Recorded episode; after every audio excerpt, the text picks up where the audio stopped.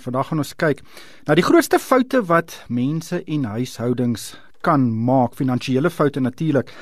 Nou ek het verlede week 'n baie hartseer e-pos van 'n luisteraar gekry, eintlik 'n baie desperate luisteraar, waarin sy sê sy het al haar spaargeld verloor.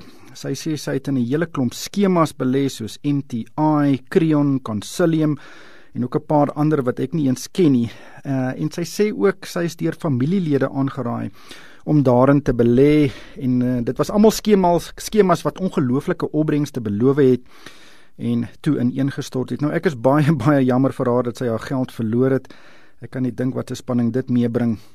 Maar ek dink dit kon voorkom gewees het as sy haar besluite uh, gebaseer het op gesonde finansiële beginsels en ek gaan 'n bietjie later met Elke Brink van PSG Wealth R21 gesels oor wat die grootste finansiële foute is wat mense maak. Daar's 'n hele klomp daarvan en ons gaan 'n paar van hulle uitlig. Maar ons gaan nou eers gesels oor veranderinge in tendense in die gesondheidsorgbedryf en dit is uit Opwest se perspektief. Nou soos ek vroeër gesê het, Opwest is 'n internasionale eiendomsmaatskappy wat aan beleggers beleggingsgeleenthede in kommersiële eiendomme in die mediese sektor in Amerika bied. Nou die idee is dat beleggers direk in individuele eiendomme belê en dan 'n dollar dividend ontvang.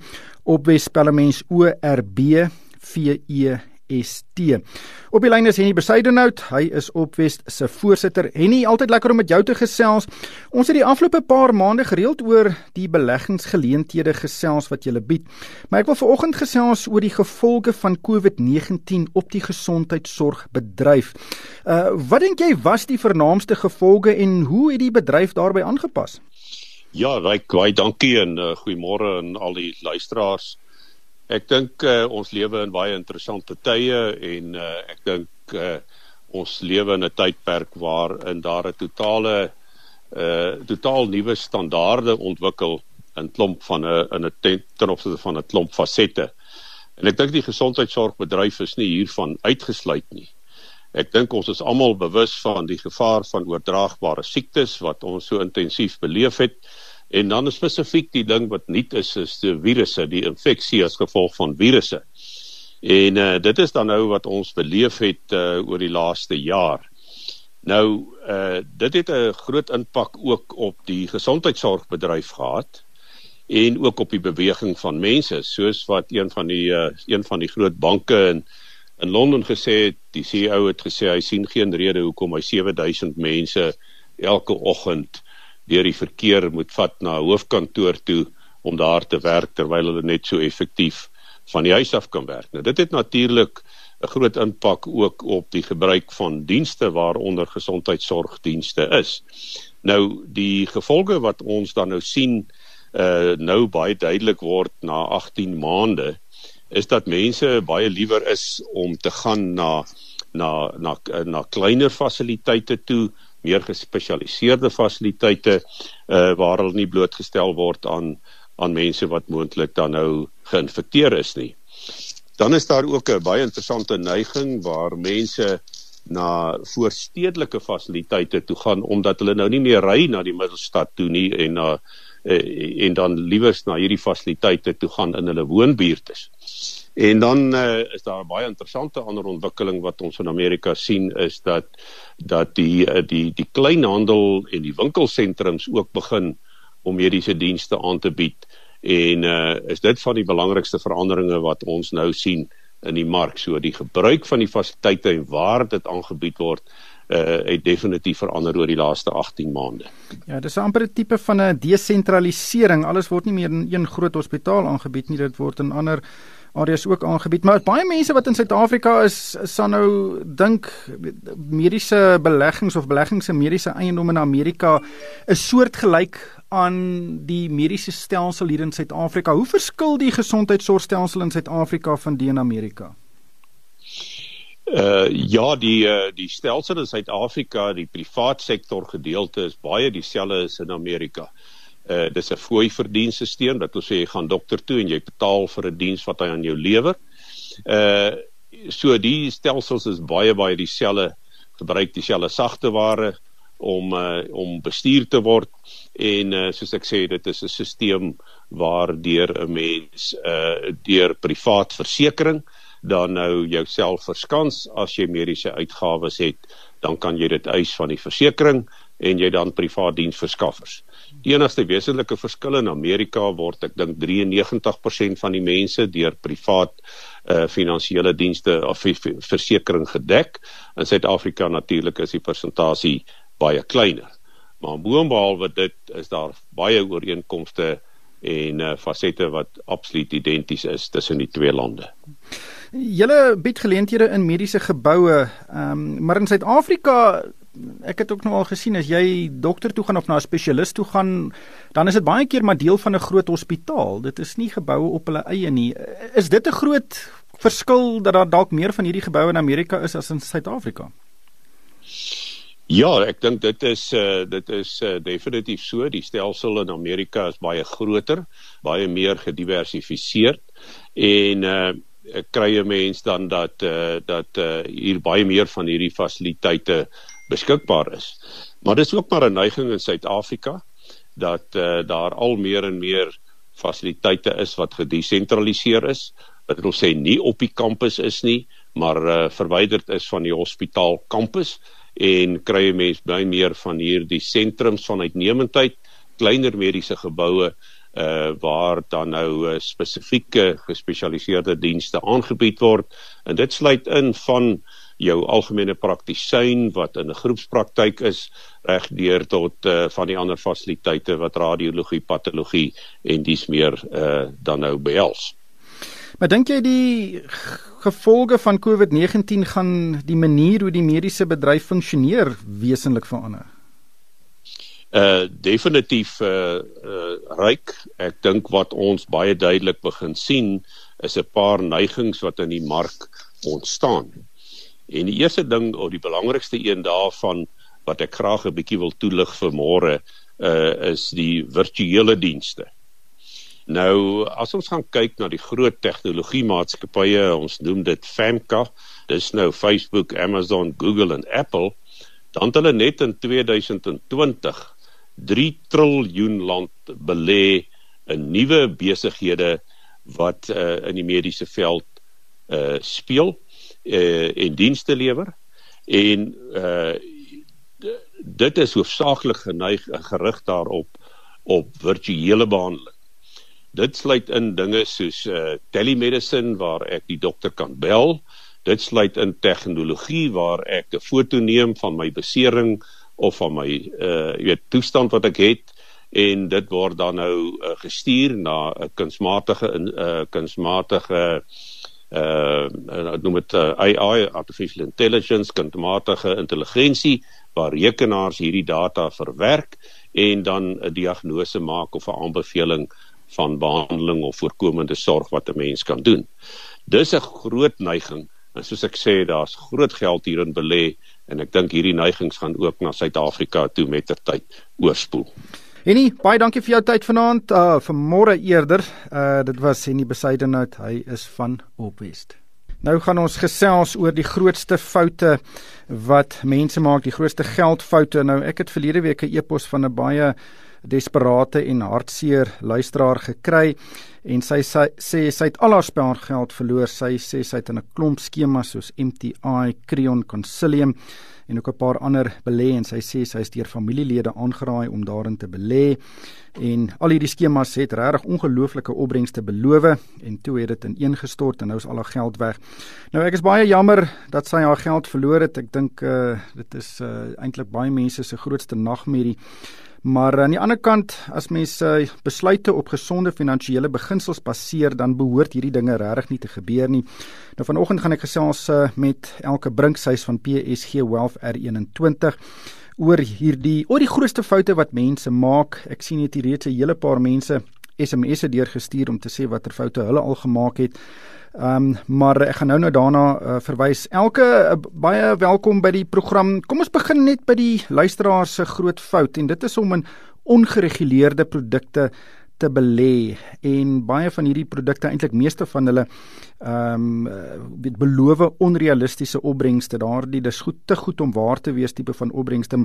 Maar ek moet onmiddellik byvoeg ek het al ook hierdie fout gemaak baie baie jare gelede Ehm um, en dit was daar nie baie geld wat ek uh, verloor het in die proses nie, maar dit was vir my 'n ongelooflike leerkurwe dat uh baie mense kan goed beloof om jou geld te kry, maar indien dit uh maar dit gaan in trane eindig meeste van die kere. Hoe hoe, hoe sien jy hierdie tipe van beleggings en mense se gedrag om daarin te belê? Dankie Ryk, dankie vir die geleentheid.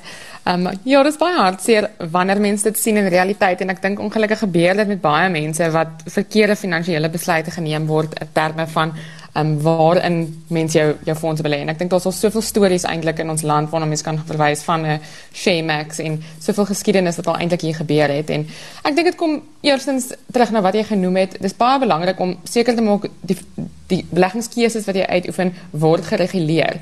En ek dink dis nogal 'n belangrike komponent eersins ehm um, watter tipe produk belê in en ek dink om te weet of dit gereguleer word of nie ehm um, is die advieskomponent baie belangrik. Ek dink wanneer dit kom by mense fondse jy jy het net een keer die geleentheid om hierdie hierdie besluite te maak en wanneer mense foute maak kan mense regtig alles verloor. So ek dink dit is baie belangrik om seker te maak mense mens doen nie moeite om die korrekte advies ook in te samel um en maak seker die tipe advies wat jy ook kry is 'n is 'n maatskappy of adviseur wat um 'n bekende naam ten minste het in die industrie dat jy dat jy weet dit um is iets wat betrou, betroubaar is.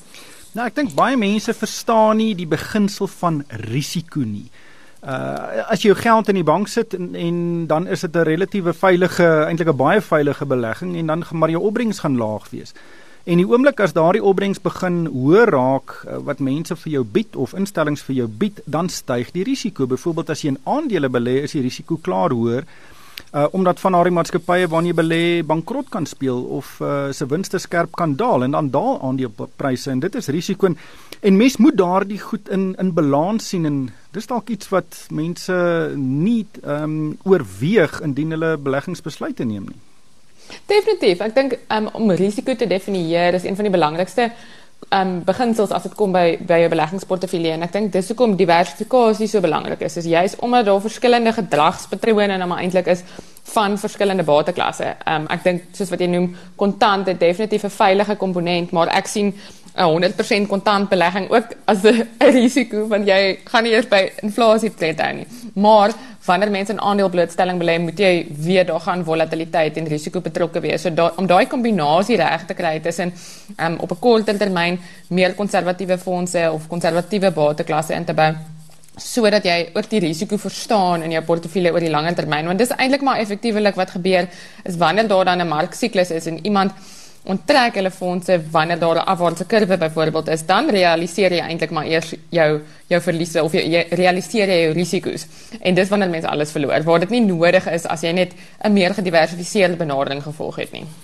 Alta sê per SMS moenie al jou eiers in een mandjie sit nie. Dit is 'n baie baie belangrike beginsel daardie dit met dit uh, diversifiseer of verminder jou risiko as jy in verskeie batebeklasse belê is nog 'n persoon sê ek het 'n verkeerde agent gebruik en in die PIC belê. Dit is die uh, Highveld syndikasie skemas uh, dan dit sê nog 'n persoon ek het uh, in Exponent belê. Dit was 'n reuse fout. Um, nog 'n persoon uh, sê ook hulle het in Exponent belê. En Uh, die persoon sê daar is hierdie produk is wyd bemark exponent. Um, en kom ons gebruik dit as 'n voorbeeld vir eintlik 'n groter bedryf. Hoe, hoe moet jy na bemarking kyk van beleggingsprodukte want baie keer lyk dit asof dit regtig 'n goeie geleentheid bied en en uh maar dan is daar nog steeds baie risiko betrokke. Hoe sal jy byvoorbeeld as jy nou 'n advertensie op die radio hoor, hoe sal jy dit nou evalueer? Ek dink daar's twee komponente. Ek dink die eerste komponent sal ek sê is definitief die individu se verantwoordelikheid om om 'n bietjie kennis op te doen van wat is die norm, ehm wat in die industrie moontlik is. En ek dink al is dit om Moneyweb te lees en gee te luister en te verstaan wat doen 'n gemiddelde fonds waarna jy kan belê. Ek dink mense moet altyd kyk wat is die die mandaat wat teen mense nou eintlik kan vergelyk. As dit nou is dit nou die mark of is dit die Amerikaanse mark of is dit kontant of um en om ek dink dis 'n goeie beginpunt eersins. As 'n belegging vir jou beloof om vir jou 'n 20 of 'n 30% opbrengs te gee met die mark gee 10 of 12, dan moet jy klaar weet dit is hoogs onwaarskynlik. Wil ek amper sê. So ek dink om eersins te weet wat is die norm daar, daar buite wanneer dit kom by verskillende bateklasse. Um, en dan tweedens dink ek dit kom weer terug by 'n by 'n advieskomponent. Ek dink dis belangrik om om miskien selfs 'n paar verskillende opinies te kry by professionele batebestuurders om seker te maak hoe word die maatskappy gesien? Wat is die die moontlike risiko's daar rondom? Wat is ehm um, ja ek sal sê wat is 'n 'n groot batebestuurder se opinie oor 'n spesifieke beleggingsopsie? Ja en om jou huiswerk te doen ek weet byvoorbeeld Exponent het uh voorkeur aandele uitgereik waarmee jy se vaste inkomste kan kry maar daardie inkomste wat Exponent verdien het om hierdie uh, bedrag uit te betaal was gebaseer op mikrolenings. Um, 'n baie riskante bedryf. Ehm um, so ja. ek dink 'n bietjie huiswerk wat mens kan doen kan kan 'n uh, baie pyn ehm um, uh weet vir my. Maar wat ja, wat ons, hm. ja. Ek dink om te verstaan waar mens belê. Ek dink dis die eerste ding wat ook weer terugkom na dit toe. As jy nie regtig die aard van die besigheid verstaan of regtig verstaan ehm um, hoe hulle hulle geld maak nie, moet mens versigtig wees.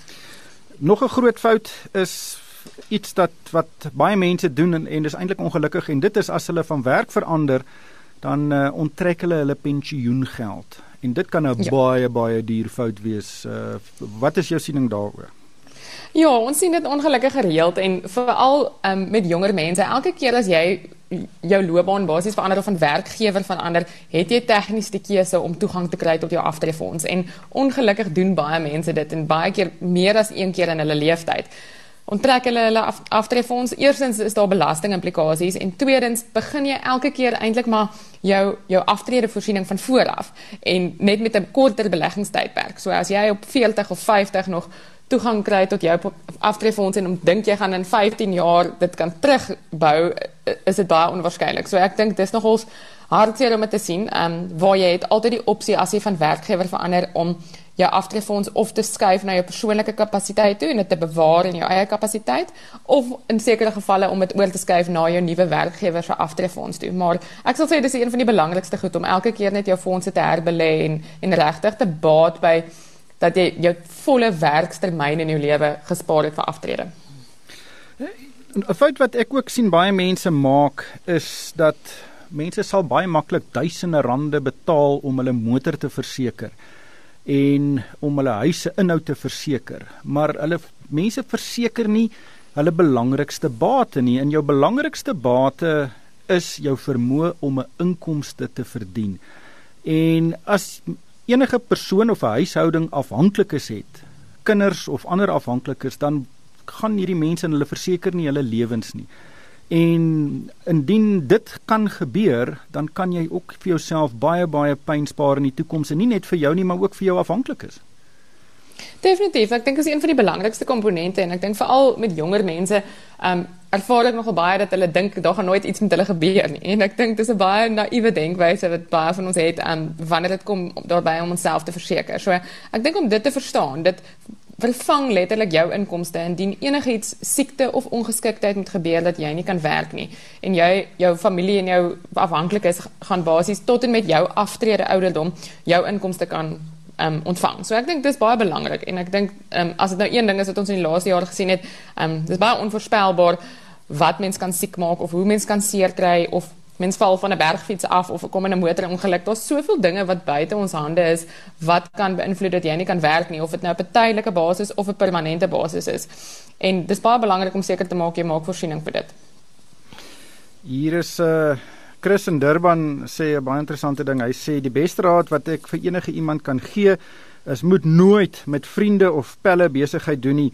Jy vat ook geen finansiële raad van hulle nie. Jy bly ook weg van mense wat sê ons mense moet saam staan en saamwerk. Ek het al baie dierlesse in my lewe geleer en ek dink dit uh dis baie duidelik jy moet na 'n professionele persoon toe gaan vir geldadvies.